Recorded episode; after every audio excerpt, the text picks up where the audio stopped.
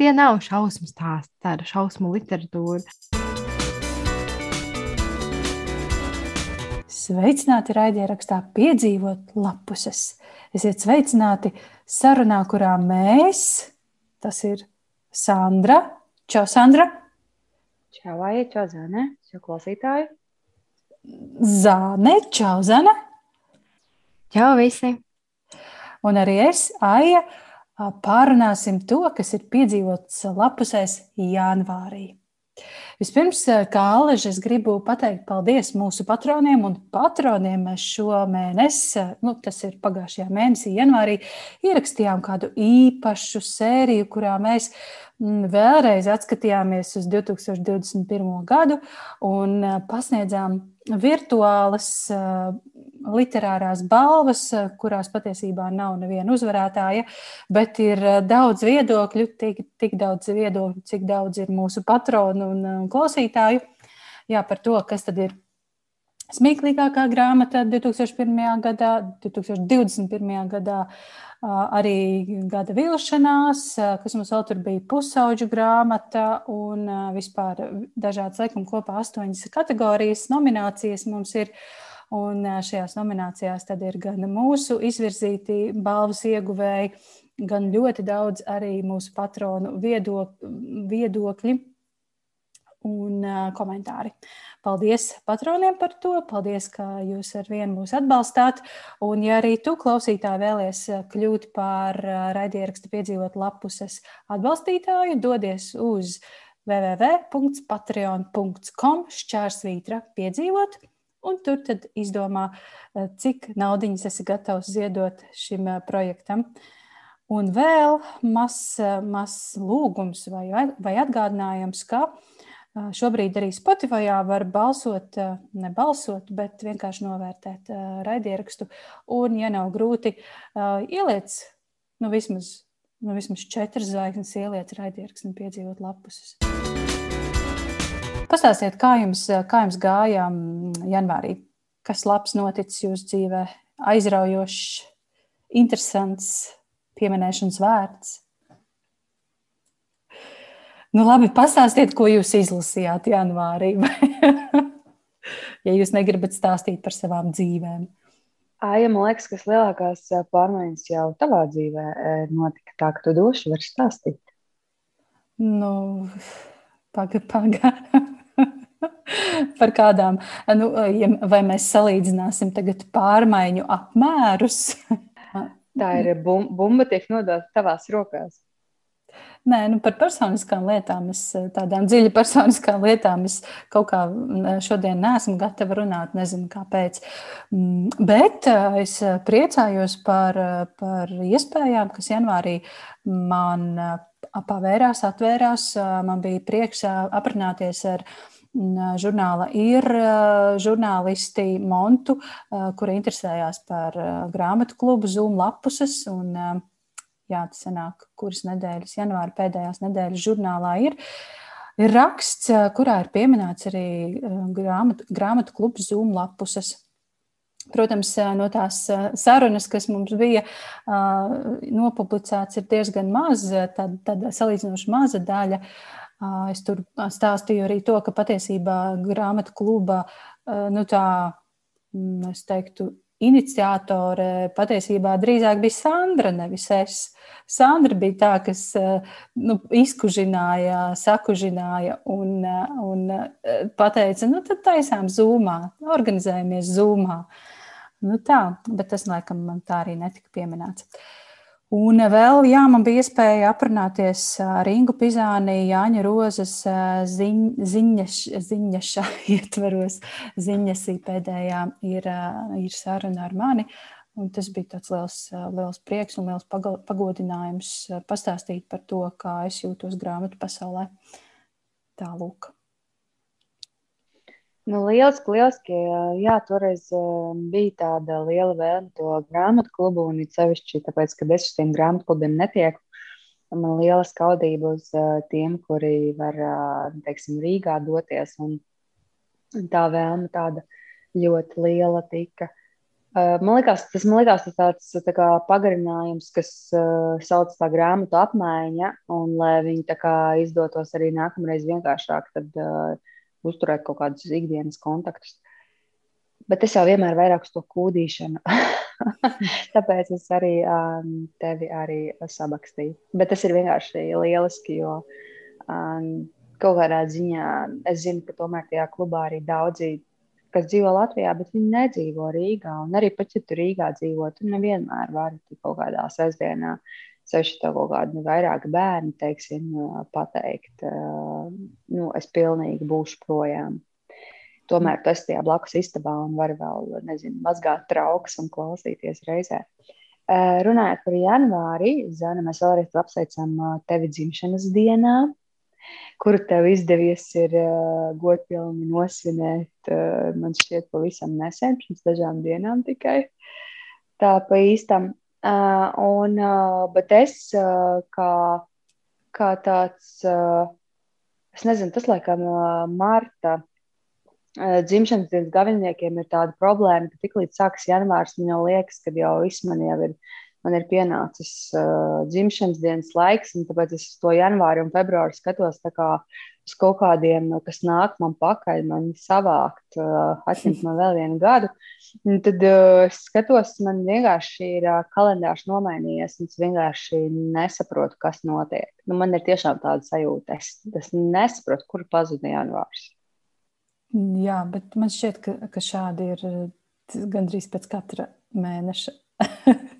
Zana, lūdzu, pastāstīja, kā tu jūties. Cik tev palika šokējoši maz? 26? Šokējoši daudz, jau 26. Un, un jā, es jau aizmirsu. Pirms mēneša, var teikt. Un svinēju, jā, nosvinēju ar radiņiem un tā, bet es vēl turpināšu svinēt šo piekdienu. Svinēšana nebeidzās, man palika 26 un viens mēnesīts piekdienu. Tāpēc jātaisa ir vēl viena palīta. Uh, janvārs, kā jau janvārs, jaunas apņemšanās šogad. Šogad viss pēc plāna, izlasīt 50 grāmatas. Agris man atrakstīja, ja tu šitādos tempos lasīsi, tev jau martā būs viss jau izlasīts. Es teicu, hmm, tāds - 50 grāmatas. Man gadā, ne jau šomēnes, trakais. Oh. Es gadā biju uzlikusi jau 50 grāmatas, kā, lai es varētu mierīgi atpūsties. Bet tā nu sanāca, ka māja atkal saslimu, un es divas nedēļas sēdēju mājās. Un uh, sanāca šo to palasīt beidzot. Kā šis tāds mierīgs mēnesis, ja neskaita visu milzīgo Covid situāciju apkārt. Mierīgi pa mājiņām, pa darbiņu, pa lapusēm. Mm -hmm, mm -hmm. Jā, kaut ko es gribēju ah, par, par tām janvāra apņemšanām. Pareizi. Mums taču bija neliels raidierakstu pielikums piedzīvot fitnesu. Es varu apstiprināt, ka piedzīvot fitnesu manā dzīvē turpinās, un es jūtos ļoti labi, ka es beidzot tās mācākusi kustēties. Labs ir! Ar ko mēs turpinām? Mēs turpinām ar janvāra spilgtākajām lapusēm, vai arī mēs esam gatavi parunāt par janvāra grāmatu? Par janvāra grāmatu. Ātrāk sāksim, ātrāk beigsim. Nu, es nezinu, man liekas, ka te ir daudz ko runāt. Janvārī Zāne, Zāne izvēlējās, nu, pastāst pati, ko tu izvēlējies un kāpēc tu izvēlējies šo grāmatu, Zāne. Jā, es izvēlējos Lovecraftu, kas man nav ļoti raksturīga grāmata, bet ja jau janvārs ir uh, mēnesis, kad mēs visi pēkšņi kļūstam sportiski, lasām vairāk un uh, mīlam vairāk, uh, tad es izdomāju, ka vajag kaut ko izaicinošu. Nu, kaut ko tādu. Mm, lai mm, pati izbēsītos, ne tikai jūs izbēsītu. Un uh, Lovecraft, man liekas, es jau novembrī biju paņēmis no bibliotekas, un tā kā neviens nebija pieteicies rindā, pēc manis es viņu cītīgi turēju. Man vajadzēja kaut kādu zinu, lai beidzot viņu izlasītu, jo tomēr tā ir klasika šausmu literatūrā, un tā kā es nelasu daudz šausmu literatūras, domāju, man vismaz ar klasiku ir jāiepazīstās. Un tā es pagrūdu jūs zem vilcienu un liku jums darīt to pašu. Mm, Sandra man piekrīt, izstāsta, ka tu draudās. Uh, Bet nebija jau tik traki, nu, beidziet. Bet uh, pēc grāmatas man smadzenes bija pilnīgā muģeklī un vispār nevarēja normāli kā cilvēks padomāt.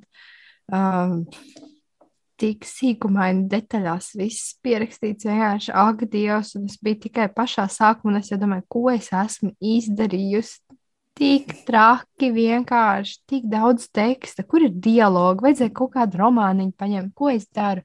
Tad jau tu ieej tajā visā un pierodi pie Lovecrafta valodas, un, un, un, un tagad stāsts ir arī chronoloģiskā secībā, sakārtot, kā viņš ir pirmie, pirmie viņa stāsti, un tālāk uz beigām viņš jau attīstās kā rakstnieks, un man kaut kā arvien raitāk gāja lasīšana.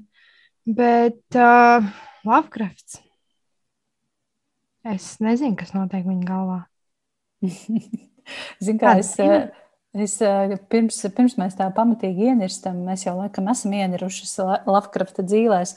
Pirms mēs uh, turpinām, es gribēju klausītājiem um, pateikt nelielu brīdinājumu, ka, ja jūs gribat gudras sarunas vai gudru vēstījumu par Lovecraftu, Lūdzu, lasiet eh, Bārbalas Simpsonas eh, rakstu, punktu magazīnu vai Satorī pirms nu, jau vairākiem gadiem, vai Svena Kuzmina rakstu arī turpat Satorī, vai klausieties Kaspara Zalāna un, un, un eh, Prometējā vadītāja Andra sarunu par, par Lovecraftu. Šeit nebūs intelektuāla saruna par, par šo tēmu. Mēs tiešām runāsim eh, kā vienkārši lietotāji, lasītāji par to, ko mēs piedzīvojām šajās lapusēs. Un tas vismaz man bija liels izaicinājums. Es pieņemu, ka mēs tagad paliekam šajā raidierakstā trietā. Uh, Bet, eh, kaut gan nē, es, eh, es noprotu, vismaz pēc tiem komentāriem, kas bija Instagram un Facebook, ka ne jau tikai mēs trīs par Lovecraftu uzzinājām tikai tad, kad Prometējs to nu, pat izdeva stāstu grāmatā, stāstu krājumā, eh, ka daudziem šī nu, literārā parādība, šis literārais fenomens bija jaunums ne tikai mums. Uh, Tā kā par to arī ir vērts eh, parunāt, eh, cik daudz jūs zinājāt, Sandra un Zana, par Lapkraftu un, un cik daudz uzzinājāt, lasot eh, šos stāstus. Un droši vien arī Kaspara, tulkotāja Kaspara Zalānā ievadvārdus grāmatā, kas, starp citu, bija interesantāki par pašiem stāstiem. Jā, nu, uh, pirmkārt, gribu grib pateikt, tomēr, tev paldies, ka uh, tu izmeti šo izaicinājumu, jo es noteikti tam nebūtu pat ķērusies klāt. Es piekrītu. Nu, jā, varbūt pēc pieciem grāmatām, kad uh, beigtos mans saraksts, tad uh, izpildētu grāmatas, ko es vienkārši redzu pēc kārtas. Uh, man bija sajūta, ka uh, es esmu vienīgā, kas par šo neko nezina. Man bija sajūta, ka jūs zinat, uh, kas ir Lovecrafts. Zana jau paņēmusi bibliotekā grāmatu, un es domāju, ka Es biju iedomājusies, ka tas ir kaut kas tāds. Toreiz, kad mēs lasījām par Vārnas sešinieku, tad tas ir kaut kas tāds, nu, tikai šaus, šausmu žanrā vai kaut kas tāds. Es pilnīgi nebiju gatava, ka tā būs klasika. Un, tā kā es biju principā arī pirmā, kas viņu izlasīja no mums visām trijām, tad, tad es sapratu, meitenes visu vispār Jūs vispār zināt, kur mēs esam iegrābušās. Bet nē, tas nebija tik slikti. Nu, man ar Latviju bija tā, ka uh, man ļoti, ļoti palīdzēja mm, ievadrakts uh, Zālāna. Un tad es uh, sāku pētīt internetā vairākas atsauksmes tieši par uh, viņu kā par rakstnieku, lai vispār uh, saprastu kā, un pieietu tam pilnīgi kā, nu, kā projekta ietvaros, kā, lai saprastu konceptu. Jo es sapratu, ka šī nu, ir sevišķi klasiku lasot, tas, tas nav tā kā es paņemu straumēnus un tagad kaut ko baigi varēšu salīdzināt. Man tā kā vajag saprast, kas tas ir par laiku, kāpēc tas ir rādies, kam tas ir vajadzīgs un uh, ko viņš vispār gribēja teikt. Man bija tā, ka uh, sākumā man uh, grūti gājas, vispār nesapratu, par ko iet runa. Tad man uh, sāk stāstīt ar vien vairāk un vairāk iepatikties. Un, kā, nu, no, vi, no viņa puses kā, sāka palikt ar vien interesantāk un uh, aizraujošāk. Un tad atkal, uh, atkal kur par uh, sniegotajiem kalniem, pilnīgi viss nošļuka uz leju. Es domāju, ka kaut tā grāmata ātrāk beigtos, jo uz beigām es, man jau tā kā pacietība zuda. Bet, ko es varu teikt, kad es ieteiktu jebkuram lasītājam, kurš ir apņēmies tomēr iepazīt šo klasisko veidu, un viņš tomēr ir ietekmējis ļoti daudz uh, citus rakstniekus un arī visādas filmas un pārējos. Un es pat brīnījos ļoti par Velbeku, kas man bija vislielākais pārsteigums, un starp citu gribu par šo paskatīties vairāk, ko man šī grāmata nav tulkota latviešu valodā. Līdz ar to es nezinu, Franciski, es nevarēšu izlasīt. Bet, uh, Nu, es pieņemu, ka angļu valodā noteikti tas darbs ir tulkots. Nu, Tur runā par Mišela Velbaka uh, bi literāro biogrāfiju, ko viņš ir uzrakstījis Lovecraftu. Jā, jā. Mm. Uh, bet man bija arī sākumā grūti pieņemt viņu kā rakstnieku, Jo tad, kad es sāku lasīt par viņu kā personību, es sapratu, ka um, tomēr viņā ir tik daudz kas negatīvais un viss tas tāds, ka viņā iekšā ir tās visas briesmas, ko viņš noteikti visu laiku arī murgoja. Un tad es sapratu, ka uh, nu, jā, nu, viņam vajadzēja izrakstīt no sevis ārā savādāk. Man liekas, viņš psihiskā slimnīcā pat taisno varētu vienkārši pārvākties tur dzīvot. Uh, bet tas nav, protams, šausmas, ko mēs zinām mūsdienās. Tas galīgi nav Holivudas šausmas vai kaut kāds kliedziens, kas mūs biedē. Bet tas ir tāds tā kā, kaut kas tāds nepatīkams. Tā kā skatīties kaut kādu psihedēlisko filmu, un, un it kā nekā tur briesmīgi nav, bet tā sajūta iekšēji nav patīkama. Ka tur kaut kas ir, un tur kaut kas, kaut kas ložņā, un tur kaut kas apkārt ir. Bet nu, jāņem vērā, ka viņam bija diezgan liela uzdrošināšanās tajā laikā arī runāt par kaut kādiem ārpuszemes cilvēkiem, par kaut kādām spīgojošām makām. Un, tā kad nu, jā, viņš ir viens no tiem, kas uzdrošinājās uh, kaut kādas tās savas domas uh, izpaust. Un tad mēs vēlāk, mūsu paudze jau uzauga ar X-failiem un kapeņu stāstiem, un uh, ar Hitchcocku un visām pārējām šausmām. Tā kā kaut kur jau tās šausmas jau kaut kur rodas. Nu, runājot par, par viņa uzdrīkstēšanos, tur jau ir tas joks, ka tajā laikā, tad, kad pats Lovecrafts rakstīja, un bija, tā bija Amerika, un tas bija lielās depresijas laiks. Viņu jau neviens īsti neatzina, nezināja, ne īsti publicēja. Viņa darbi tā arī netika viņa, viņa dzīves laikā publicēti.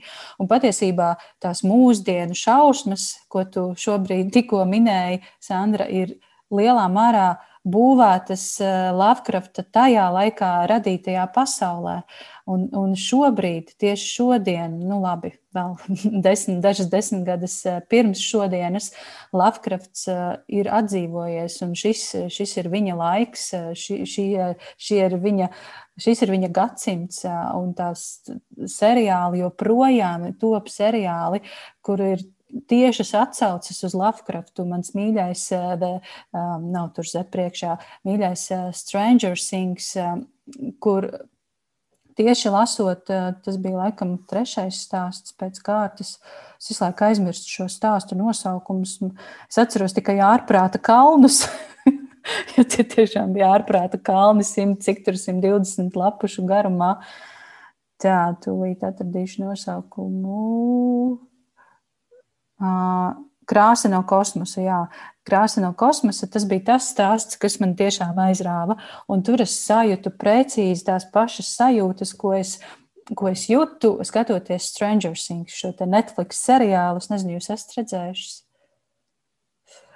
Jā, nu, tur, tur, tur šajā seriālā arī ir tāds nu, paralēlās pasaules briesmonis, uh, kas ir tādiem milzu taustekļiem, ar, ar tādu uh, gaļīgu muti, ar, ar kaut kādām slienām. Nu, viss, ko Lovecrafts ir radījis, un uh, tas ir kaut kas tik neizmērojami milzīgs, pret ko patiesībā cilvēks īsti nevar. Viņš cilvēks nespēja tam pretoties, un tās šausmas pārņem, dzīvot šajā paralēlajā pasaulē un, un ir klātesošas.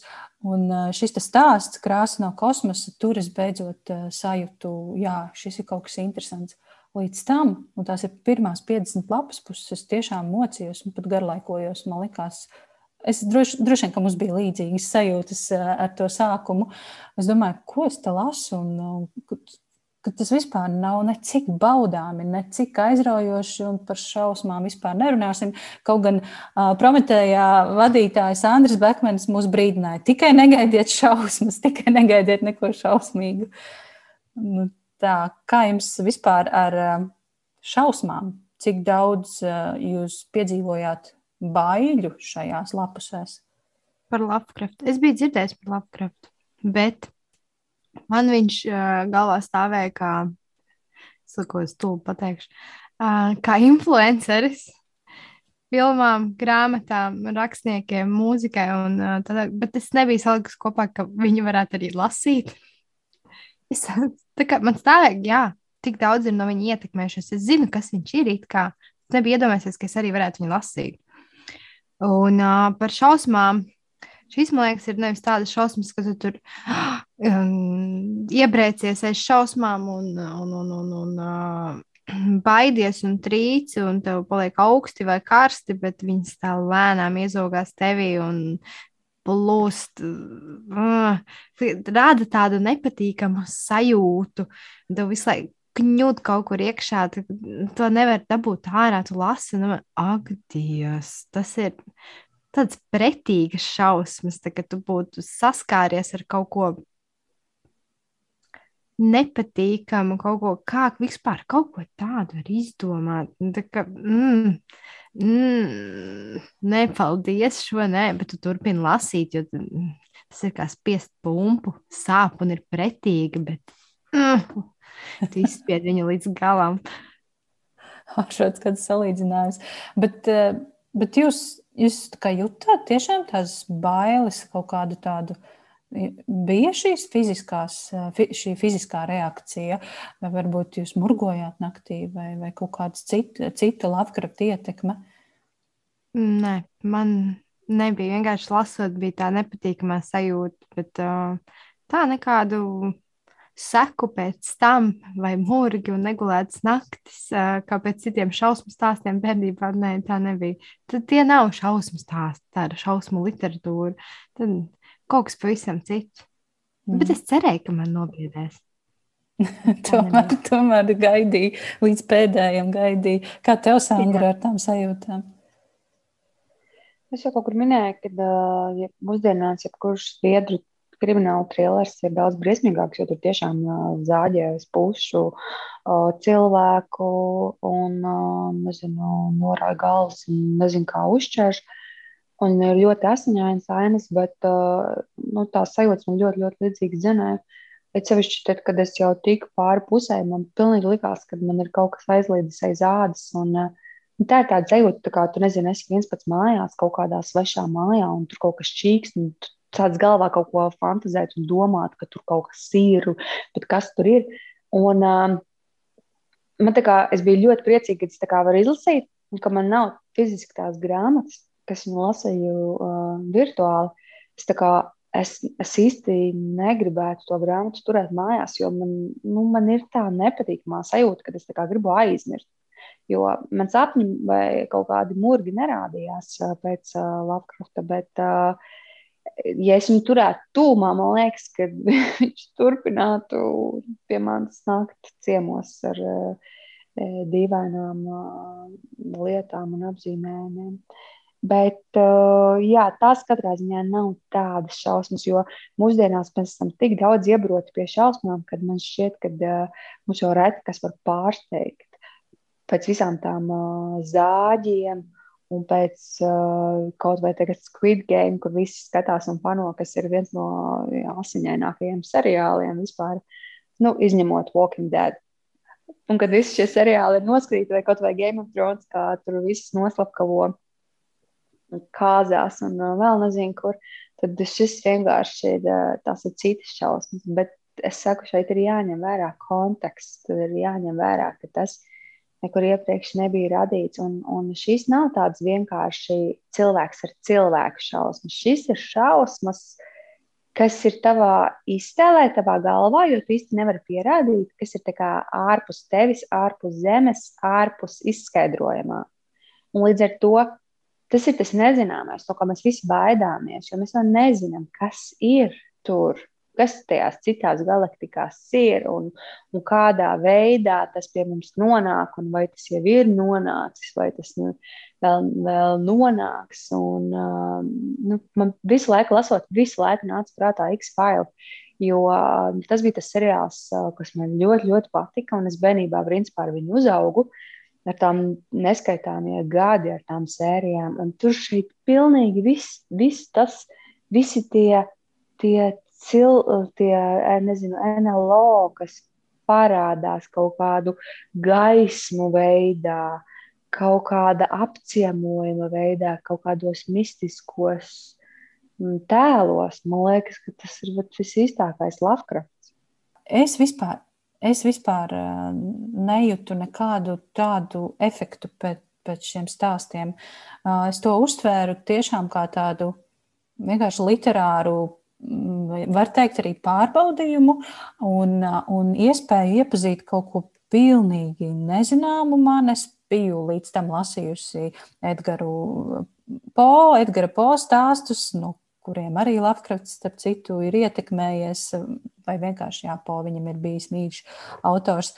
Bet, vai, es, vai arī varbūt es šo stāstu pārāk intensīvi un ļoti īsā laikā centos saraut un izlasīt, un neļāvu sev pat to sagramot un aptvert. Bet es pat īsti nu, nenod, nenodrebēju, vai, vai man, man īsti nepārskrēja šarmuļi, lasot šos stāstus. Kāds bija sajūtas, lasot stāstus, ko jūs piedzīvojāt vēl šajās lapusēs? Un es domāju, varbūt ir palicis prātā īpaši kāds viens stāsts, vai, vai kāds viens tēls, vai, kāds vien, vai kāda viena epizode.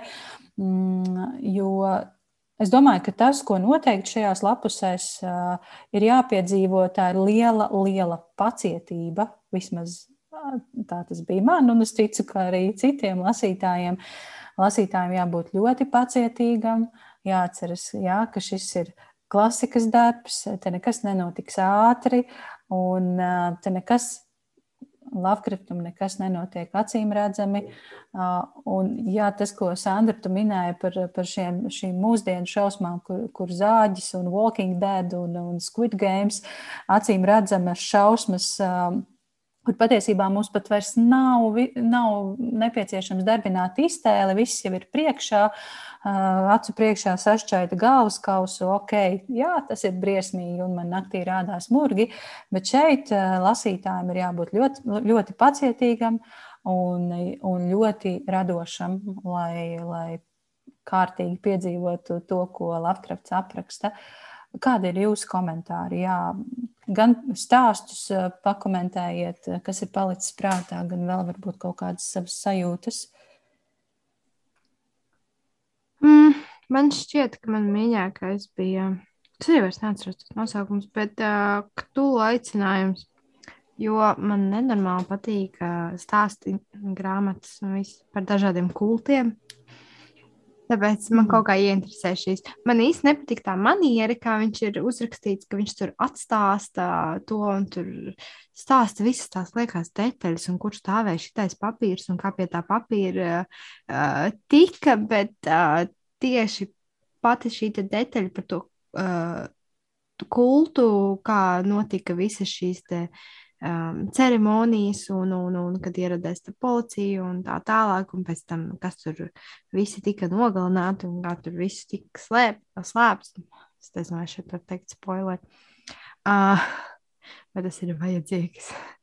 Bet, uh, jā, man uh, šis visvairāk patika, es labprāt palasītu kaut ko, kaut ko kur uh, kāds ir ietekmējies no šīs stāsta, jo man tiešām patīk lasīt par dažādiem kultiem, jo reāli tas arī notiek mūsdienās, upurēšana un vispārējais. Uh, un vispārējais. Uh, nu, pielūgt kaut kādus objektus vai dievības un tik dziļi, lai kādu upurētu. Mm, es nezinu, kaut, kaut kas tur ir. Gribētu papētīt dziļāk, kā tas tapis. Vēl nepaspēju palasīt, bet es sapratu, ka šis ir uh, viens no populārākajiem. Man liekas, bija arī tulkots iepriekš latviešu. Ne? Jā, ir rāda, ka jā, tā ir. Jā, jā, jā. Ir Jumavas mazā grāmatiņā tieši šis viens stāsts, stāsts iztulkots pirms, man liekas, 2016. gadā. Skaidrs. Es tieši gribēju teikt, tas šķiet ir viss tāds viņa atpazīstamākais stāsts, jo viņš arī pārsvarā arī tiek atsevišķi izdalīts. Bet uh, interesanti man tas stāsts vispār nu, tā nenorezinēja. Visvairāk uh, man, uh, es nevaru teikt, patika, bet visvairāk tās interesants uh, par uh, ākumu, par gaismu, par to māju. Un tur tās iekšējās bailes, man liekas, arī visvairāk varēja sajust. Jā, jā tas ir krā, stāsts krāsa no kosmosa. Tas, tas jā, ko es arī minēju. Jā, jā. Un uh, tas man tā kā palika vispilgtāk atmiņā. Uh, Bet es visu laiku mēģināju paturēt prātā, ka ja, rēķini, nu, vi, viņš jau bija tas aizsācējs. Nozīmē, nu, nebija neviens lasījis, kā tu saki, Edgara Alana Poe un uh, jau zinātu kriminālu romānus un vai zinātu šausmas. Līdz ar to, ja es būtu tajā laikā, nu, kaut arī viņš netika publicēts tajā laikā, piemēram, lasījusi par kaut kādiem ārpus zemes uh, uh, būtnēm, man liekas, mēs tur vispār aiziet gulēt nevarētu. Man morgi rādītos un man liktos, kad uh, nu, vispār notiek ārprāts. Taču iepriekšējās grāmatas vispār, par ko viņas runāja, par kaut kādiem gāriem un par uh, raganām kaut ko tam līdzīgu, nu, kas vispār cilvēkiem bija prātos, tāpēc man liekas, ka uh, tajā laikā lasot, tā, man liekas, būtu tiešām kārtīgi šausmu literatūra. Es atceros, ko es gribēju teikt. Zana, tu minēji, jāpapēta dziļāk par to ktulu kultu, ko Lavkrafts ir radījis. Un tas ir tas efekts, kas man ir palicis pēc Lavkrafta, ka visu laiku gribas pētīt dziļāk, kas viņš ir, kur viņš ir radies, ko viņš ir radījis, ko viņš atstājis aiz sevi. Tas ir kaut kas pilnīgi, pilnīgs kosmos, kaut kas pilnīgi nereāls. Es nesaprotu. Uh, Es pirmkārt nesaprotu, kā es līdz šim par viņu nezināju. Kaut gan no otras puses saprotu, es neesmu ne datorspēļu cienītāja, ne šausmu literatūras cienītāja. Bet jā, es arī nesaprotu, kā kaut kas tāds vispār eksistē. Un, un jau tajā pirms, sanāk, pirms gandrīz simts gadiem, jā, Amerikā šajā visai konservatīvajā sabiedrībā. Um, Es eh, jautāju arī eh, sekotājiem Instagram, lai, lai viņi pakomentē, kā tad, kādas tad ir sajūtas par Lovecraftu, tie, kas ir lasījuši. Un eh, man nu pat, nu pat uzrakstīja Ieva, at Mrs. Lāsītāja Instagramā. Uh, Un, uh, viņa ir speciāli šim ierakstam izlasījusi vienu no stāstiem. Viņa man pajautāja, es, man būs laiks izlasīt, bet es paspēju tikai vienu. Uh, lūdzu, pasaki, ko, kuru iesaki, kuru man izlasīt. Un es ieteicu, un tad lasi to, to krāsu no kosmosa. Un, nu, pat viņa man uzrakstīja kā, kā 11 gados bija totāli atkarīga no šausmu filmām, bet šis stāsts viņai nelikās īpaši baiss. Valoda gan bija laba un, un lasīt bija viegli. Tas, ko viņa izceļ, ir grāmatas vizuālais noformējums, un to mēs nepieminējām. Tagad mēs par to varam vismaz mazliet, mazliet parunāt. Es arī gribu uzteikt mākslinieka Anna Reinberga darbu. Ilustrācijas šajā grāmatā, pirms katra stāsta ir ilustrācija, un arī vāka noformējums ir ļoti glīts, ļoti gaumīgs, ļoti atbilstošs saturam. Uh, Un uh, lieliski, ka arī mākslinieks ir ieturējis to pašu stilu. Viņš neko nesaka priekšā, viņš ļauj mums iztēloties un vairāk rada noskaņu, uh, sajūtu katram stāstam. Kā jums patika grāmatas noformējums? Man ļoti jau tas vāks tāds estētisks, bet ļoti minimalists stilā. Tas astoņkaitis tur, protams, zinām, kāpēc. Bet tās maliņas, tāds, tas, no, tas bija mans smadzenes lasot Lovecraft. Sagriezušās deviņos līkumos. Jā, jā tieši tā. Man jā, ļoti skaists ilustrācijas un pats vāks. Tā kā nav nekā lieka. Jā, es varu ātri uh, palasīt, uh, mazliet, mazliet ieskatīties, uh, kas man bija ierakstīts Instagramā. Es zinu, ka Eva lapas pusēm pa pēdām šo grāmatu nesen ir iegādājusies, un, un to viņai ieteica draudzene. Jo, jo no, noreklamēja tā, ka pēc šīs izlasīšanas Eva noteikti murgos vēl daudzas naktis. Un, un Eva esot atbildējusi, jā, tas ir tas, kas man ir vajadzīgs. nu tā, Guna saka, ka diezgan lēni iet ar Lapkrafta lasīšanu, un es ticu, ka iet lēni. Uh, ļoti lēni, jo Lavkrafts ir arhitekts, viņš būvē šo pasauli ļoti, ļoti lēni, uzmanīgi, ķieģelīti pa ķieģelītim. Viņš turklāt ir arī vismaz tekstā liels pedants. Jā, šis, šis teksts ir tik blīvs un tik pamatīgs, un, kā jau es minēju iepriekš, lasītājiem jābūt ļoti pacietīgam.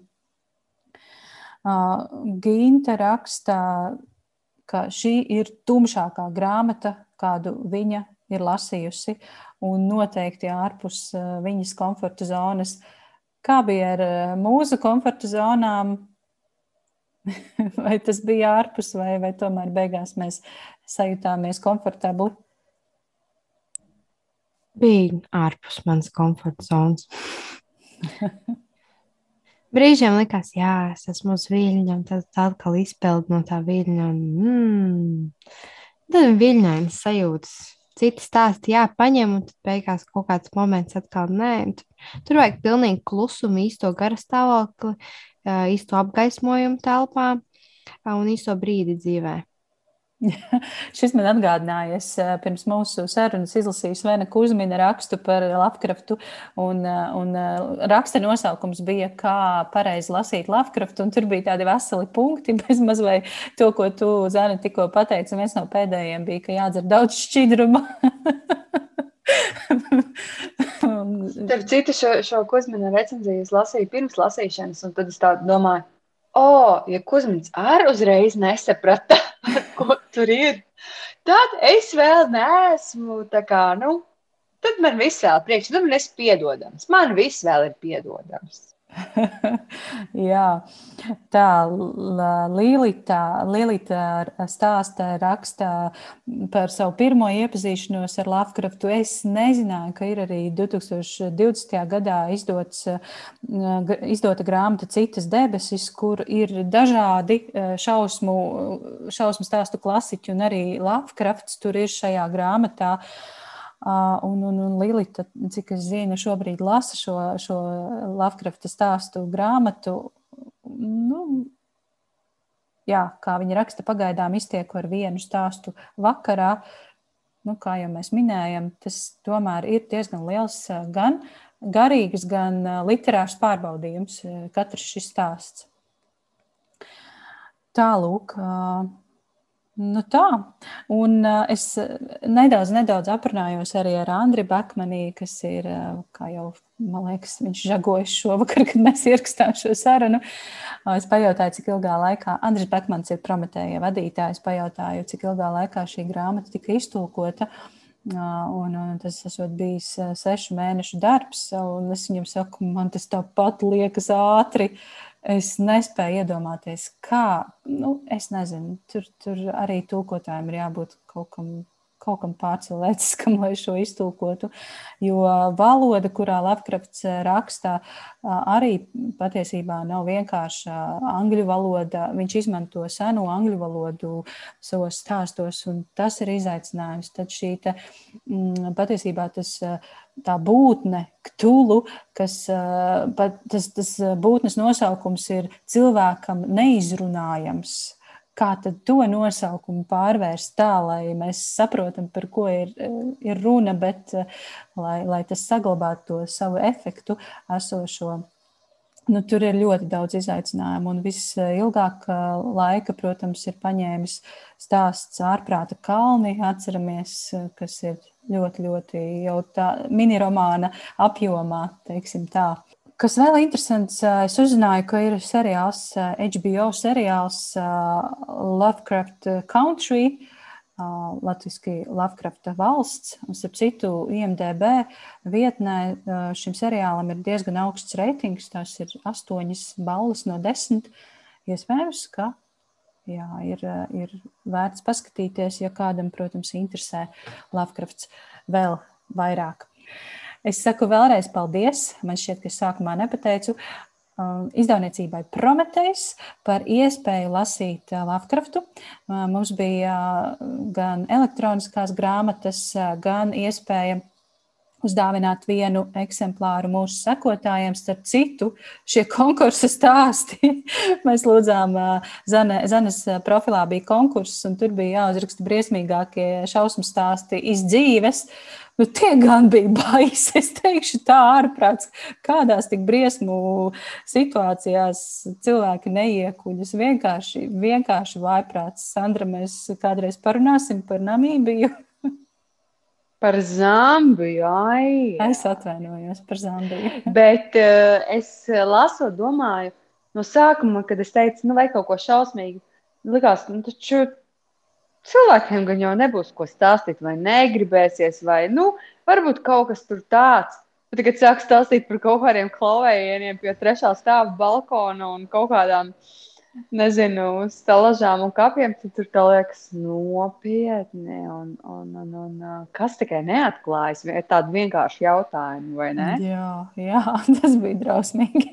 Tas bija šausmīgi, šausmīgi, šausminoši, šausmīgi.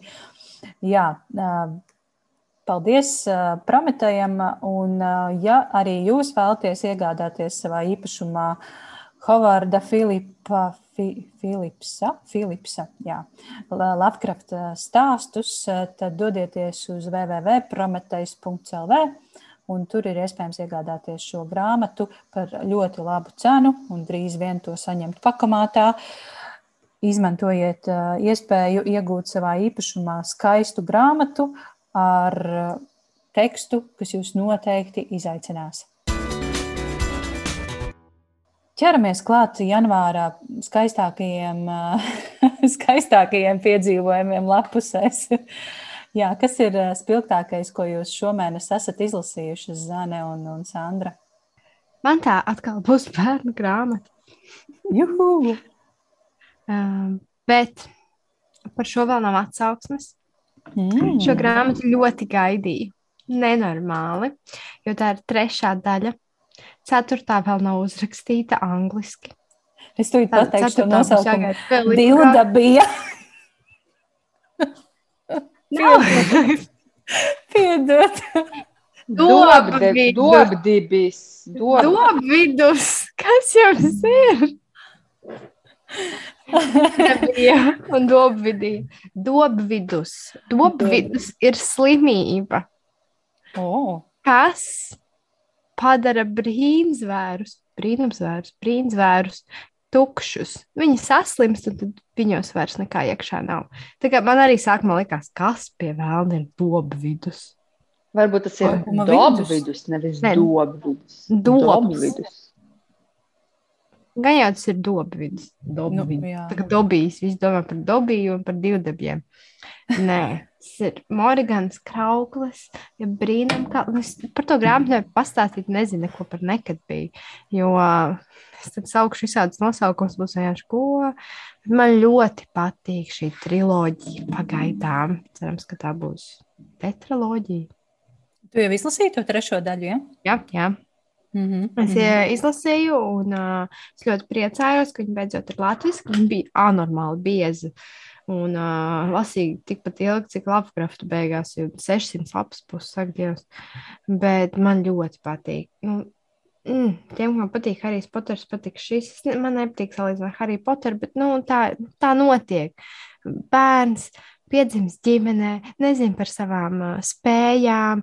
Uh, labi, šajā gadījumā ģimene viņu nemīl, man liekas, tur arī bija. Es vairs neatceros pašu sākumu, bija ļoti grūti ielasīties, tāpēc, ka tik sen jau bija pirmā daļa un otrā, kad viss jau ir aizmirsts. Un, um, Un, un maģiska skola, kur atklājas, ka viņa ir spējusi, un viņa ir īpašāka par citiem. Un, un, un, nu, tas pats stāsts, it kā, bet nu, pavisam kaut kas cits tur notiek. Tāpēc es ļoti iesaku šo sēriju.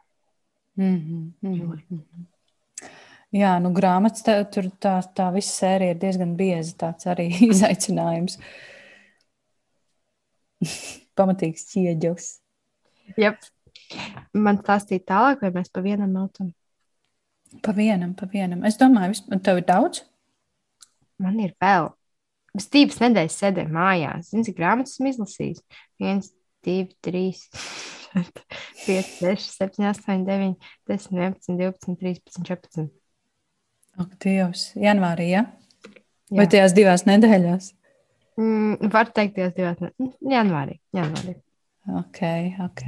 Nu, labi, San Sandra, pastāsti tu, un tad Zana vēlreiz. Jā, uh, man liekas, ka es esmu izlasījis kaut kādas desmit grāmatas. Es iegāju gudrībā un ieraudzīju, ka 18, sorry, Zana. Ko? Uh, jā, un tāpēc es saku, man jānāk. Es rakstu atlūgumu. Kaut kur iekrist. Bet uh, es arī uh, čītošu šodien, jo vienkārši ir viena grāmata, kuras nevar nepieminēt, un otra grāmata, par kuras gribu pieminēt. Uh, es vienkārši varu īsumā pateikt, ka es esmu izlasījusi vārds. Vārds, ne vīrs vārdā Uve. Aplausis studijā ziedī. Kur ir mans Uve? Jā, jā, nu, es atsauksmi ielikšu kaut kad uh, drīzumā, jo tur ir atsevišķs stāsts, kā man vispār ar Uvi ir gājis un kā es esmu līdz viņai nonākusi šī grāmatai. Uh, bet katrā ziņā Uve ir vienkārši fantastiskākais tāds personāžs, ko rakstnieks var izgudrot. Un nevis tāpēc, ka viņš tur būtu kaut kāds super, uber, fantastiskām rakstura īpašībām, bet tāpēc, ka viņā ir tik daudz krāšņa iekšā, gan negatīvais, gan pozitīvais. Ka viņi vienkārši nevar nemīlēt. Un tajā pašā laikā, mm, kā es saku, dzīvē šāds cilvēks būtu reāls kabarga pakaļā. Un es tādu cilvēku negribētu, varbūt sev tūmā, jo visu laiku sanāk kašķēties un strīdēties. Bet kā personāžs grāmatā viņš ir tik aizraujošs. Un uh, nu, šeit, kā vislabākajās uh, Bakmana tradīcijās, uh, vienā nodaļā tev kā mūls ir kaklā, un tu pēc dažām sekundēm sāc ķitināt, un tad atkal gribas raudāt, un tad tev tā kā sentimentāls skumjas paliek. Un man pilnīgi liekas, tā kā mm, man visu laiku griež kaut kādu termometru augšā, lejā, tur, tur tad sals, tad ir karsts, tad smiekli. Un tā kā jau liekas, jau kaut kādā psihiskā slimnīcā esmu nonācis. Cik ļoti tās emocijas uh, spēj viņš vienkārši uz visām pusēm svaidīt. Bet Uve, uh, kā es saku, uh, mūsdienās, kad viss ir tik noguruši un tik depresīvi. Vispār Batmans ir jāizraksta kā kaut kāda terapija, jo viņā ir tā sirds gudrība par tādām pamatvērtībām, kas eh, dzīvē mums dažkārt aizmirstas, un tajā pašā laikā arī tas ironiskais pasmieties par sevi un kaut kur arī tajos personāžos varbūt sevi redzēt. Un, uh, jā, viņš uh, raksta vienkārši lieliski. Es nezinu, kā viņš spēja tieši uh, šo ironisko un uh, skumju tādu skaisto aprakstīt. Katrā ziņā Bekams ir, uh, jā, es turpinu par viņu sajūsmināties.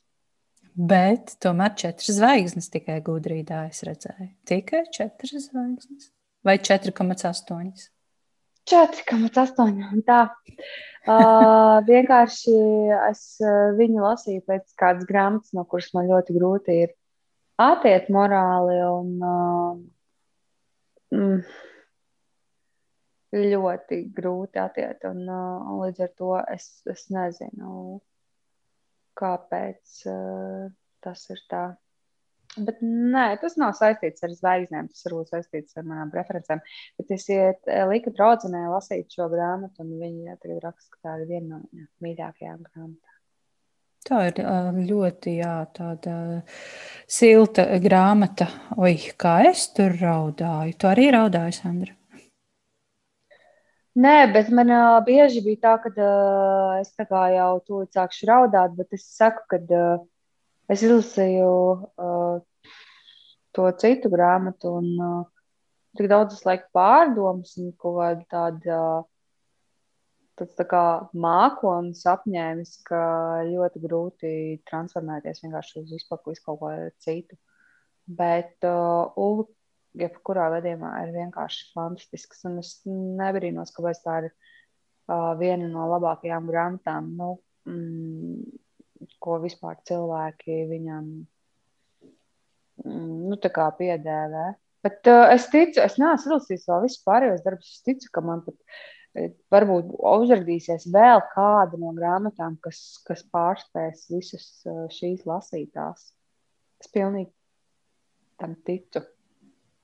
Nu, gaidīsim, gaidīsim, ko Frederiks Bek, Bekmans, nevis Bekhams, mūs, ar ko mūs pārsteigts.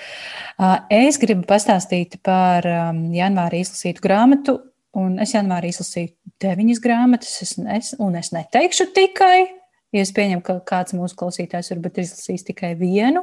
Oh, es pateicu tikai, ah, pats, piedodiet. Labi, es uh, gribu pastāstīt, uh, un es gribu aicināt visus izlasīt uh, slovēņu rakstnieka Vinko Mēderdorfera grāmatu Sirds plaukstā. Uh, Tā ir izdevniecības Aminorija grāmata, un par to pārāk maz runā. Un es gribu, lai par to runā vēl vairāk nekā līdz šim. Man šķiet, ka to īpaši daudz neviens nav lasījis, bet es ceru, ka lasīs un izcels. Stāsts ir par, par meiteni vārdā Nika. Viņai ir apmēram 13 gadu. Viņa tikko ir sākusi mācīties jaunā skolā, un mēs, kā lasītāji, saprotam, ka tur ir kaut kāds noslēpums saistībā ar viņu, ar šo meiteni, ar viņas ģimeni, bet līdz grāmatas pirmās trešdaļas beigām jā, nevar saprast, kas tur īsti ir. Un kaut kādā brīdī jā, nu, jā, var nojaust, kas tur ir, kas ir šis noslēpums. Un es teikšu, ka šī ir ļoti sirsnīga grāmata. Tā gan vairāk ir pusauģa auditorijai, un tas, kā viņa beidzas, arī ir tā, nu, tā ļoti, gribētu teikt, pat vienkāršoti un, un priecīgi, bet uh, es ieteiktu izlasīt, jo tas ir tāds, šī grāmata ir ļoti labs atgādinājums. Pirmkārt, ka mums ir jāpriecājas par to, kas mums ir, ka tā ģimene, kas mums ir, ir uh, jānovērtē, lai cik grūti tas arī nebūtu. Un, uh, jā, ir, ir forši, ka, ka mums ir draugi, ir forši, ka mums ir ģimene, ir forši, ka cilvēks ir cilvēks cilvēkam, lai arī cik citādāki mēs reizēm būtu vai nebūtu. Ļoti, ļoti sirds silta grāmata, kuru es iesaku izlasīt. Jāraud visticamāk nebūs. Bet būs mazliet jāpadomā. Man patīk, ka šī grāmata ir viena no retajām, kas iedziļinās tajās grūtībās, ko piedzīvo ģimene, kurā ir, ir nu, kāda, es negribu saukt, eh, kas, kas tur ir, kas ir šis eh, noslēpums, jo tas mazliet atņems eh, prieku lasīt šo grāmatu, šo jaunat, lasītāju jaunatklājēju prieku. Tāpēc lasiet paši un ticiet, ka tas būs tāds ļoti jauks, lit, vienkārši ļoti jauks stāsts. Pilnīgi noteikti. Gribēju pieminēt, kāds skrubinās pie durvīm. Uh, ne to um, savu dzimšanas dienas dāvanu. Mm. Ko es sev uzdāvināju? Lūdzu, lasiet minimismus. Ah, nu, no, labi. Skaisti. Mazie citātiņi no ziedoņa. Man vienkārši ļoti patīk. Nē, es nepabeidzu, bet tur iedot man bučiņu. Reklamная pauza. Labi, mēs lasīsim minimismus, ja, ja tie mums kaut kur gadīsies pa ķērienam, kā saka. Jā, es gribēju pastāstīt par to grāmatu, kas man atstāja tādu dziļu pārdomu vilni, no kuras īsti nespēju atiet. Ne tik daudz kā šausminošā ziņā, bet kā vispār tādā netaisnīguma un pārdomu gamā. Atceries, ka 2020. gadā šķiet parādījās avīzēs tās publikācijas, kur Parīzē notika skandāls par to, ka izdevniecības atteicās, nu, tā kā varētu teikt, kad mēģināja atmazgāties par to, ka ir tas rakstnieks, kurš visu laiku ir cienīts un izdevis eh, tik daudz grāmatas un augstu novērtēts, bet patiesībā viņš bija pedofils un arī viņš to rakstīja savā grāmatās, kā viņš brauc uz Filipīnām un ar maziem bērniem nodarbojas ar seksu un ar, kā viņš eh, visus eh, dokumentāli, viņš tā kā dokumentāli arī rakstīja. Kā viņš uh, nodarbojas ar seksu ar jaunām, nepilngadīgām meitenēm, un kā viņš viņus, uh, teiksim, uh, nu, aizgādnieciski ieved sieviešu pasaulē un tam līdzīgas muļķības.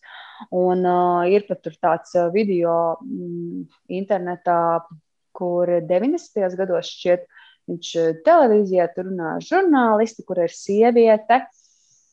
Un, uh, un, un blakus sēž uh, kaut kāda cita rakstniece, kura pasaka, ka, nu, kāpēc uh, mēs vispār pieņemam, ka tas ir normāli, jo taču tas tomēr tie nepilngadīgi bērni. Un uh, tā žurnālista, nevis žurnālista, bet tā rakstniece praktiski sev izraka, uh, varētu teikt, tādu bedri, jo visi viņu noraidīja, teica publicēt viņas darbu, jo viņa bija uzdrošinājusies runāt pretī šiem augstu slavētajiem un atzītajiem rakstniekam. Uh, Un tajā pašā laikā tā žurnāliste, kas tur studijā sēdēja, viņa tikai māja ar galvu, ka jā, jo taču ir, nezinu, seksuālā brīvība un taču vispār tur 70. un, un vispārējais. Bet tagad, protams, ir cita laika un tagad visas tās izdevniecības tā kā mēģināja atmazgāties, kad nu, kā, mēs šo neatbalstam un tam līdzīgi. Kaut gan tur jau viss ir sen noticies. Un tad 21. Eh, gadā viena, no, viena rakstniece, kas varētu teikt, bija viena no upuriem, viņa uzrakstīja savu biogrāfiju. Kā viņa teica, tās ir atbildes ne gluži kā atriebība, bet tāds tā kā atbildes šāviens tam rakstniekam veidā, kā viņš saprot vislabāk un tieši literārajā ziņā. Un tā ir Vanessa Springora, Un, uh, viņa pati nāca no diezgan uh, teiksim, uh, izglītotas ģimenes. Viņas, viņas mamma strādāja arī izdevniecībās. Un, un, un, un, uh, katrā ziņā viņai bija 14 gadi, un uh, viņam bija šķiet kaut kādi 49.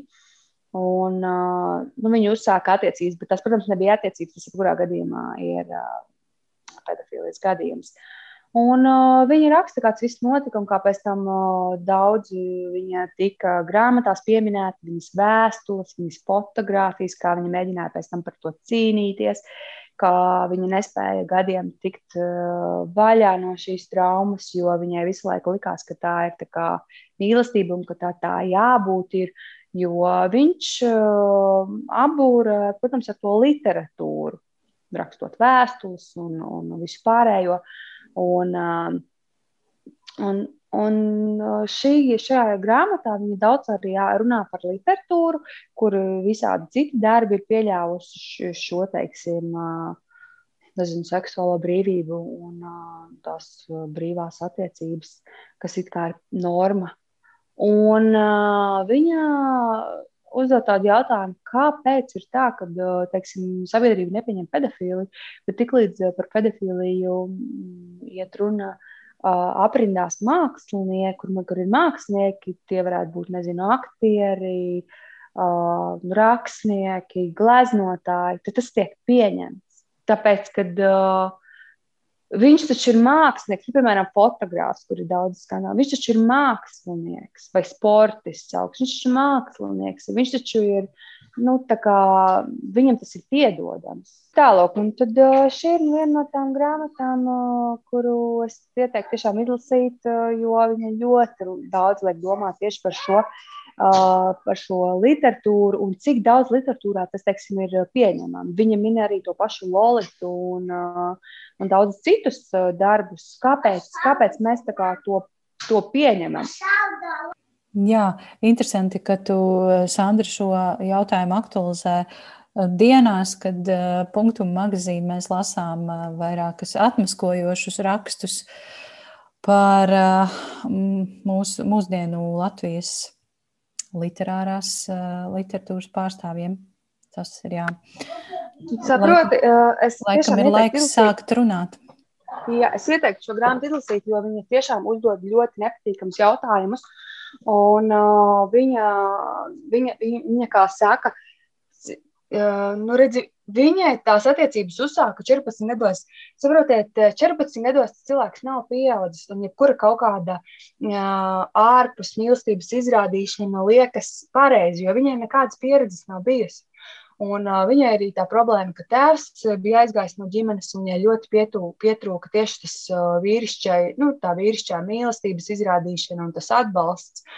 Un uh, šādos gadījumos uh, nu, pedofili ir ļoti uh, rafinēti, un uh, viņi jau vienkārši ne, nu, neizmanto viņi, izteiksim, varētu tā, ka visas tās uh, domas un uh, viedokļus izmaina. Un uh, pats interesantākais ir tas, ka viņa par šīm attiecībām arī stāstīja mammai, un viņi pat visi kopā ēda vakariņas un pārējais, ka tas tika pieņemts.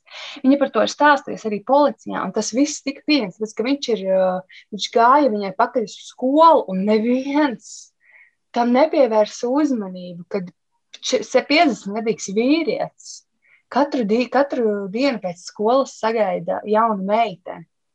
Tas tāpēc, ka uh, visa sabiedrība uzskatīja, ka, ka nu, tas, tas ir normāli un, un ir tas mākslinieks. Un, ja domājies, viņš raksta par to, kā viņš brauc uh, uz Filipīnām ar zēniem, ar seksu nodarboties mazgadīgiem.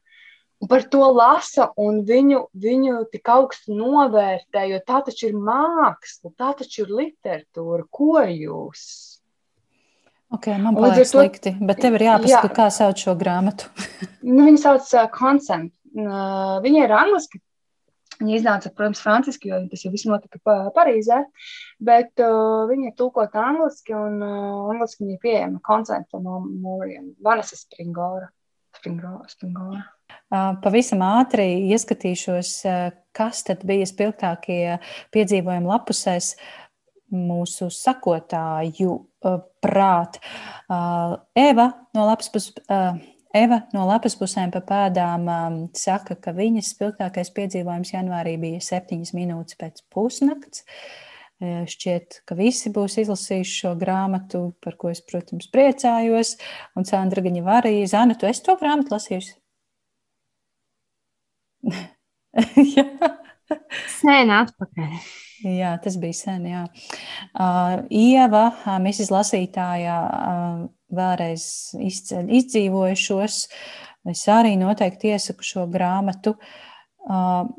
Ieva arī min brauciens mūža garumā, grāmata par nonullēšanos un arī Born a Crime.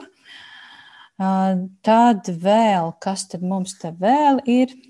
pavisam ātri elpoju prieku, un ārpus es atkal nevarēšu izrunāt. Oh, Levīna Leslivres um, piemina Anna Sauziņas mājokli un arī Sabaļaus skaitus Pētera imperatori. Uh, Kristīne beidzot ar bērniem ir izlasījusi vafeļu sirdis. Sandra, kad tu to beidzot izdarīsi? Jā, man ir tikai jānopērk visas grāmatas. Nē, bet uh, es, jums, protams, nelasīšu lietuviski, kas došos uz Latviju, paņemšu drīzāk no bibliotekas un uh, nopirkšu mm, lietuviski grāmatas. Uh, es to izdarīšu, ja es to izdarīšu sapņu. Inese atgalotnes stāsta par Kristas Annas Belševicas stāstu krājumu pelēks suns sapņo par zelta ziltiņām, un viņai ļoti īpaši patika stāsts Litija mēnesis, un arī citi stāsti šajā krājumā. Godīgi sakot, ir izlasījusi Bariko zīdu un grib izcelt to. Un arī Before Coffee Gets Cold. Par, to, par, šo, par šīm grāmatām, par zīdu un par to kafijas grāmatu viņa domā visvairāk. Un tad uh, Well Read Woman Project ir tāds garš nosaukums. Uh, šim Instagram kontam stāsta par uh, grāmatu uh, Piranesi. Piranesi. Kaut kas nebijis nelasīts un vienkārši īpaši jūs esat kaut ko par, kaut ko par Piranesi dzirdējušas? Es, man tas ir jāpaskatās dziļāk, jāpēt dziļāk, kā saka. Un viņi saka, ka Lavkrafts jau stāv plauktā kopš izdošanas, bet vēl nav sanācis pieķerties. Varbūt, šī saruna iedvesmos vismaz kaut ko izlasīt no Lavkrafta.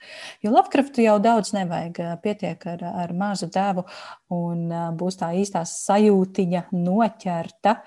Vēl es gribu pieminēt vilkmi. Uh, Par, par šo grāmatu, starp citu, pēdējā laikā dzirdu daudz labu atsauksmi. Vai jūs esat lasījuši vilkmi? Es, diemžēl, ātrumā nevaru atrast, atrast autoru. Nope. Latviešu autors ir šai grāmatai. Un, jā, vismaz divi cilvēki jau man ir uzrakstījuši, ka, ka tas ir bijis kaut kas ļoti labs. Tad uh, Moon Made Me raksta, ka lasa uh, Trevor Noah Born in Crime un esot ļoti, ļoti laba. To minēja arī Ieva. Starp citu, Ieva, cita Ieva, ne Mrs. Lasītāja, saka, ka ir janvārī ir izlasījusi mazliet sāpēs un pasaka mums paldies par ieteikumu. Viņa esot smējusies balsī. Tā kā, ja gribas kaut ko ļoti smieklīgu un ja vēl nav lasīts mazliet sāpēs, tad uh, Ieva un, un arī Sandra un Zana iesaka. Laura uh, uh, ir izlasījusi Vila Smita autobiogrāfiju Will. Un saka, ka tas ir bijis spilgtākais piedzīvojums lapusēs, un starp citu mēs gaidām vilnu arī latviskajā tulkojumā, kaut kad gada beigās to sola izdevniecība Helios. Tā ir grāmata, ko es arī vēlos izlasīt. Eva ir izlasījusi grāmatu Nauda, un viņai par pārsteigumu tā esot bijusi interesanta, un viņai patika. Ginte ir izlasījusi Meta Hēga pusnakts bibliotēku, un tas ir viņas spilgtākais piedzīvojums lapusēs. Arta, tā pati, kas Brice Arta, arī atzīst septiņas minūtes pēc pusnakts par spilgtāko piedzīvojumu lapusēs. Un Anete savukārt ir izlasījusi uh, Evelīna Hugo un Deizija Jones. Tā ir grāmata arī, jā, ko es gaidu latviešu valodā. Un tik nenormāli daudz visādas, visādas labas atsauksmes par šo grāmatu ir, par šo te Deizija Jones. Bet, bet, bet, bet, ko mēs lasīsim februārī? Nē, tagad būs februāris. nevis mārts, februārī. Ko mēs lasīsim februārī? Es teiktu, ka nu, vēl atšķirīgāku grāmatu laikam mēs nevarējām izvēlēties citādāku kaut ko. Vai varbūt nemaz nav tik citādāks, Sandra? Man liekas, mēs bērnu grāmatu, mēs esam jaunieši lasījuši, bet bērnu grāmatu man šķiet, ka uh, nav īsti tāda iepriekš bijusi tāda izvēle. Un kur nu vēl man? bet, bet ņemot vērā, ka tā tomēr ir um, lietuviešu autoru grāmata, tad, uh, par kuru es uh, man šķiet pirms gada atceros, kā veikalā vilku laukā un uh, šķirstīju un rādīju. Un, arī iegādājos uh, pati. Tad, kad es sāju, man parādīja, ka uh, zvaigznes izdod šo grāmatu, es, protams, es nevarēju nepriecāties. Jo, kā jau es saku, pilnīgi veidojas tāds grāmatas stūrīts, kur grāmatas tāda pārsvarā vizuālajā noformējumā par uh, kara laika tēmām par ebrejiem, par izsūtījumu, par bēgļu gaitām bērniem. Pilnīgi tāds plauktiņš veidojas, vai ne? Jums arī jau tāds plauktiņš ir, kur ir, kā tas saka, šogad būs trešā grāmata puikai ar suni. Tad ir, protams, Sibīrijas haikas. Uh, tad ir uh, Igaunijas grāmata par bēgļu gaitām. Ir mēnesis. Un, uh, kuģis, ir mēnesis, zelta kuģis. Un pilnīgi veidojas jau tāda atsevišķa sadaļa, bet tas ir tāds pilnīgs jaunums, jo iepriekš bērniem tieši vizuālajā nu, noformējumā, man liekas, nekas tāds iepriekš nebija bijis. Kā pēdējos sanāk, nu, kas tie ir kaut kādi pāris gadi, kad ir izveidojies. Un tā, ka šis ir, ši, šo grāmatu noteikti mm, jāpērk, lai varētu likt klāt savam uh, plauktiņam un uh, bērniem varētu interesantā uh, un saprotamā veidā parādīt un izstāstīt par ļoti, ļoti smagām un nopietnām vēst, vēsturiskām tēmām, kas neatkarīgi, kad viņas ir teiksim, rakstītas par Igauniju vai par Lietuvu, viņas tomēr arī ir viegli attiecināmas uz Latviju. Un tā ka šis akmeņeļs vai latviski akmentiņš ir stāsts tieši par ebrejiem, par geto. Un interesanti tas nosaukums, kāpēc tas nosaukums? Tāpēc, kad uh, cik es sapratu no autora, kad uh, ir tāda tā, tradīcija uh, uz ebreju kapiem uh, nest uh, un nolikt akmeni. Un tāpēc ir tas uh, akmentiņš nosaukumā. Mm -hmm, mm -hmm. Vai jūs to zinājāt? Neko nezināju vispār. Nav nejausmas. es, es, gaidu, es gaidu šo grāmatu. Uh, paldies izdevniecībai Zvaigznē ABC, kas jā, ar, ar laipni ir, pie, ir piekritusi atbalstīt mūs šajā idejā. Mārijus Marcinkeviča grāmatu Akmentiņš pasludināt par februāra grāmatu, un es ceru, ka es ceru, ka jā, mēs, mēs visi, visi kopā sadosimies un, un iegādāsimies pa eksemplāram šīs grāmatas un lasīsim. Jo man šķiet, kā jau tu, Sandra, minēji, tai, tai tiešām jābūt plauktā es jūtu, ka es nevilšos, un jebkurā gadījumā tas būs labs papildinājums.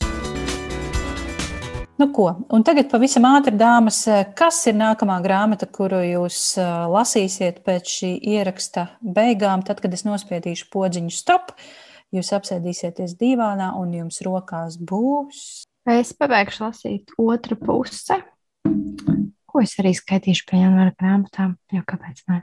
Lielāko Kas daļu. ir otra puse? Um, Elizabetes, nu, ah. tas jau sapratu. Nu, Rebekas.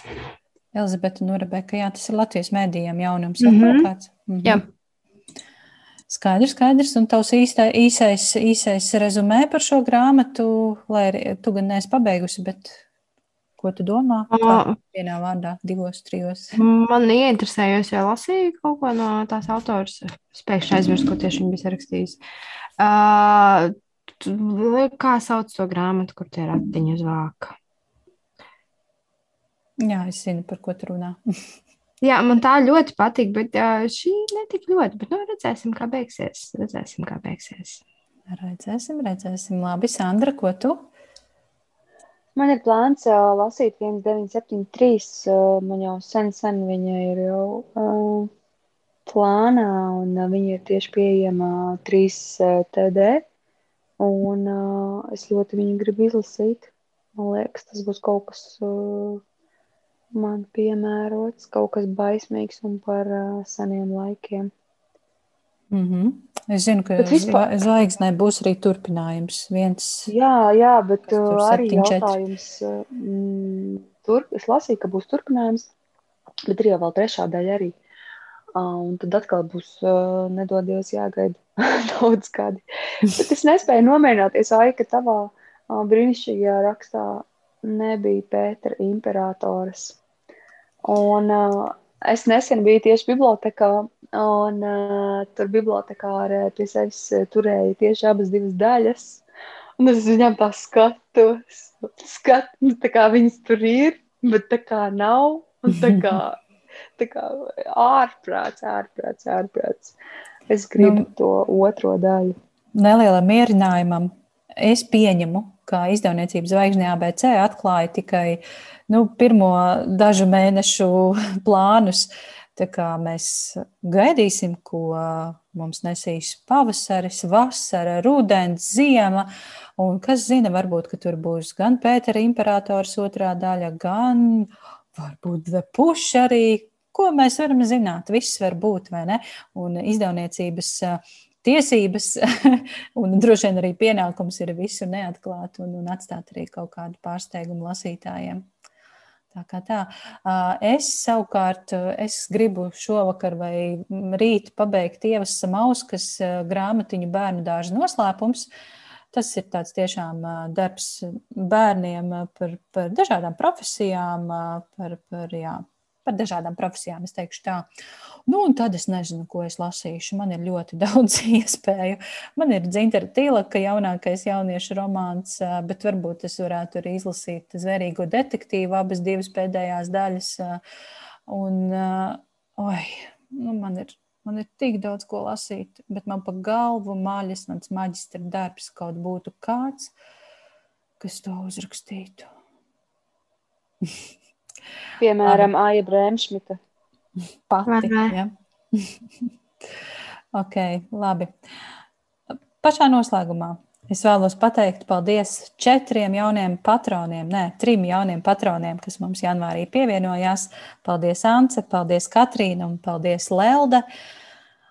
Un mēs ar jums tiekamies februāra beigās vai marta sākumā, lasām akmentiņu, lasiet Lovecraftu un vienkārši lasiet. Tiekamies citās lapusēs. Atā! Atā! Atā.